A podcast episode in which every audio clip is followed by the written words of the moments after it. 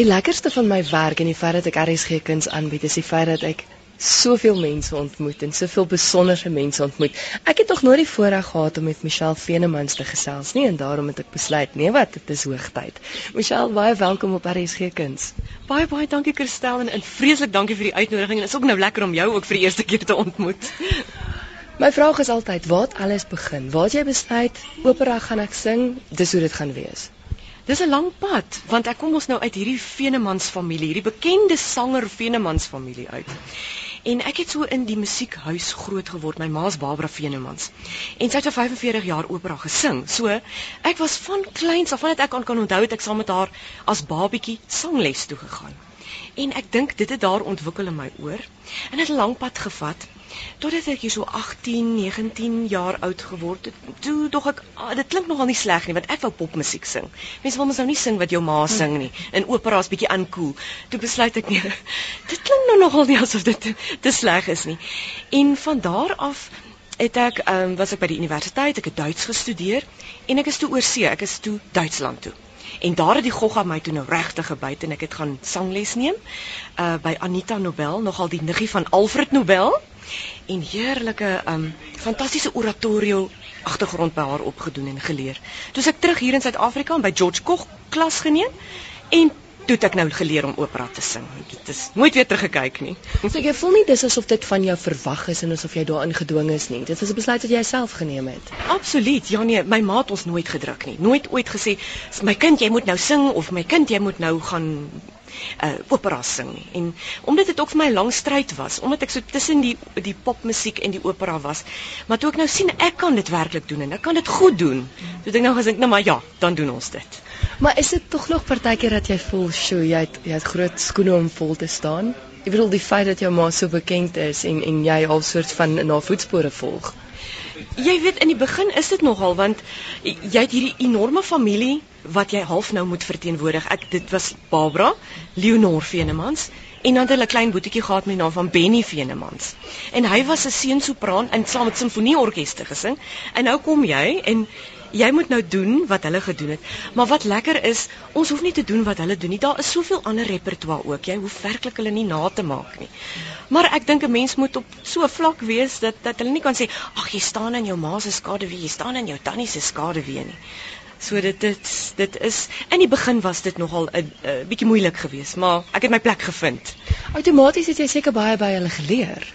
O natuurlik, natuurlik. Dit ek het 'n ongelooflike opleidingsskool gehad net om agter die verhoog in druk se opera produksies groot te word om te sien hoe daai die groot Mimi Kurtse sing, hoe die groot Guy Kosten sing, Nelly de Tooi, Joyce Baker, jy kan maar opnoem, dit is soos 'n en ek het daar gesit en die mense het my gevra, "Michelle, word jy nie moeg om so te sit en kyk na hierdie mense dag en nag?" Ek sê, "Nee, ek is besig om te leer." En dit was my skool. En dit was my ongelooflike Wat sou jy sê is die beste raad wat jy by jou ma gekry het? moet nooit 'n prima donna wees nie. Ja, so dit is daar is nie so iets dat jou stem nie vandag werk nie en daar's ook nie vandag so iets dat jy 'n tantrumpie gooi of so iets nie. Dit is net jy's nie 'n prima donna nie. Jy jy jy 'n konsert om te sing en jy gaan hom sing tot die beste van jou vermoë. Daar's nie allerlei klein sites wat jy gooi. en en dit is ook nie so ernstig nie. Musiek is nie so ernstig nie. En dit het ek by haar geleer. En sy het so maklik deur haar loopbaan gegaan. En wat sou jy sê is die beste raad wat jy van jou tannie Leonora gekry het? Wel, ek het haar nie werklik geken nie. Ehm um, sy was uh ek was 3 jaar oud toe sy oorlede is in 73. So dis al 'n hele lang pad terug.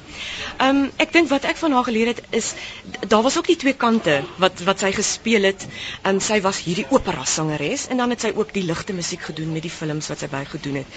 En ehm um, die twee het nie altyd lekker by mekaar gekom nie en ek dink 'n mens leer 'n lesie daaruit. Jy moet besluit, loop jy die opera pad loop jy die ligte pad en dit die twee kan nogal met mekaar bots en klots. Gepraat nou van die bots en klots jy sing opera, maar jy het nou onlangs 'n nuwe CD bekend gestel wat jy in 'n meer jazz rigting ingegaan het. Hoekom die besluit? Omdat jazz is my liefde. Ek kom uit 'n jazzhuis eintlik uit. Um almal dink ons is opera sangers, maar ons het so 'n klein sy stappie wat ons altyd doen. My oupa Ben Venemans en my ma se pa was 'n jazzmusikant. Hy het die basviool gespeel in sy eie jazz orkes. En my ma het haar en en Leonor het haar hulle loopbane begin as jazzsangers in die orkes. En toe later aan begin opera sing. En daai goggaatjie het my natuurlik ook ge, gebyt en ook deel van my my opvoeding gewees. So ek nou gedink, ag nou maar nou, kom ons doen nou ietsie anders. Ons gaan nou probeer om uit die boksie uit te klim en iets anders te doen. Dit was my heerlik geweest. Was dit 'n groot uitdaging? Dit was 'n groot uitdaging omdat ek alles self gedoen het. Oh, want ek moes die musiek self kies. Ek het gekyk na die verwerkings. Ek het van die track self gedoen. Ek het self opgeneem. Ehm um, die vir al die vokale verwerkings het ek self gedoen. En dit was my heerlik. Dit was 'n lang projek omdat ek dit alles self gedoen het. 2 jaar. En ek is bly dis verby, maar dit is my heerlik om dit nou uit te voer.